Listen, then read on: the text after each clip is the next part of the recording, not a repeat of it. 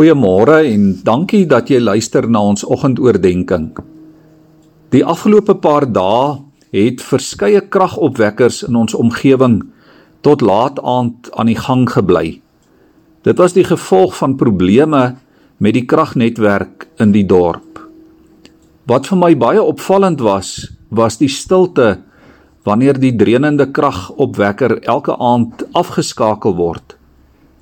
Dit het my ook herinner aan die groen Lister engine wat op die plaas diens gedoen het as kragopwekker. Hy was in 'n klein engine kamertjie reg langs die huis en teen sononder is hy elke dag aan die gang gesit met die draai van 'n slingermeganisme. Jy moes jou vat en jou draai ken anders kon daai slinger jou lelik seermaak. Die harde tok tok tok van die Lister het die aandstilte vir 2 of 3 ure verdryf totdat die dieseltank leeg was en dit van self tot stilstand gekom het. Ek sal die groen luster masjien nooit vergeet nie. Maar veral ook nie die stilte na daardie harde tok tok tok gedreun nie. Dit was byna 'n oorverdowende stilte. 'n Vreemde, vreedsame heerlike stilte. Vir 'n minuut of 2 was dit doodstil. En dan eers het jy die naggeluide begin hoor. Die langbeen kiewite op die grasperk. Die gekras van tarantale. 'n Lam wat iewers bler. 'n Uil se gehoe in die sipreslaning. En die absolute vrede op die donker plaaswerf. In Johannes 14 berei Jesus sy disippels voor vir die toekoms. En hy sê in vers 27: Vrede laat ek vir julle na. My vrede gee ek vir julle. En die vrede wat ek vir julle gee, is nie die soort wat die wêreld gee nie. Julle moet nie ontsteld wees nie en julle moet nie bang wees nie. Dit is asof Jesus hier sy testament oopmaak en vir sy volgelinge voorlees. Aardse besittings was daar nie veel nie. Op 'n keer het Jesus mos self gesê, die jakkalse het gate en die voëls van die hemel het neste, maar die seun van die mens het geen plek waar hy sy kop kan neerlê nie.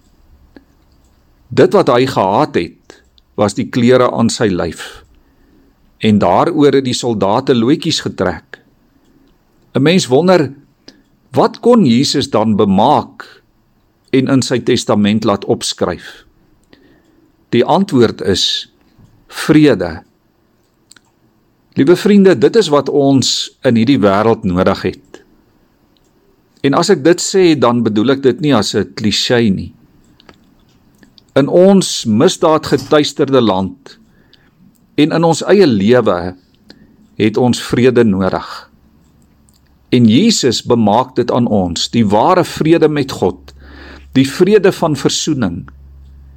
Deur sy dood het hy ons wat ver van God af was, naby aan hom gebring. Hy gee sy vrede vir elkeen wat glo. En dit is die wete, die sekerheid dat jy en ek met vrymoedigheid as God se kinders kan lewe in 'n wêreld ja 'n wêreld vol stryd en onvrede kan jy vrede in jou hart hê. Niemand en niks kan die rustigheid en die kalmte en die sekerheid van jou af wegvat nie. En jy kan hierdie vrede deel met elke ander erfgenaam van Jesus. Kom ons bid saam. Here, daar is soveel onrustige dreuninge in ons wêreld.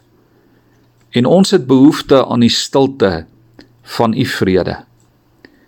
U vrede, Here, waarin ons weer kan hoor en sien en voel en ervaar van die rykdom wat u vir ons in gedagte het. Here, ons wil hierdie dag en ook die toekoms met al sy eise en sy uitdagings met 'n oop gemoed ingaan. Ons wil leef in die vrede wat U vir ons bewerk het en in U testament aan ons bemaak het. Here maak ons vandag stil en tevrede in U. Amen.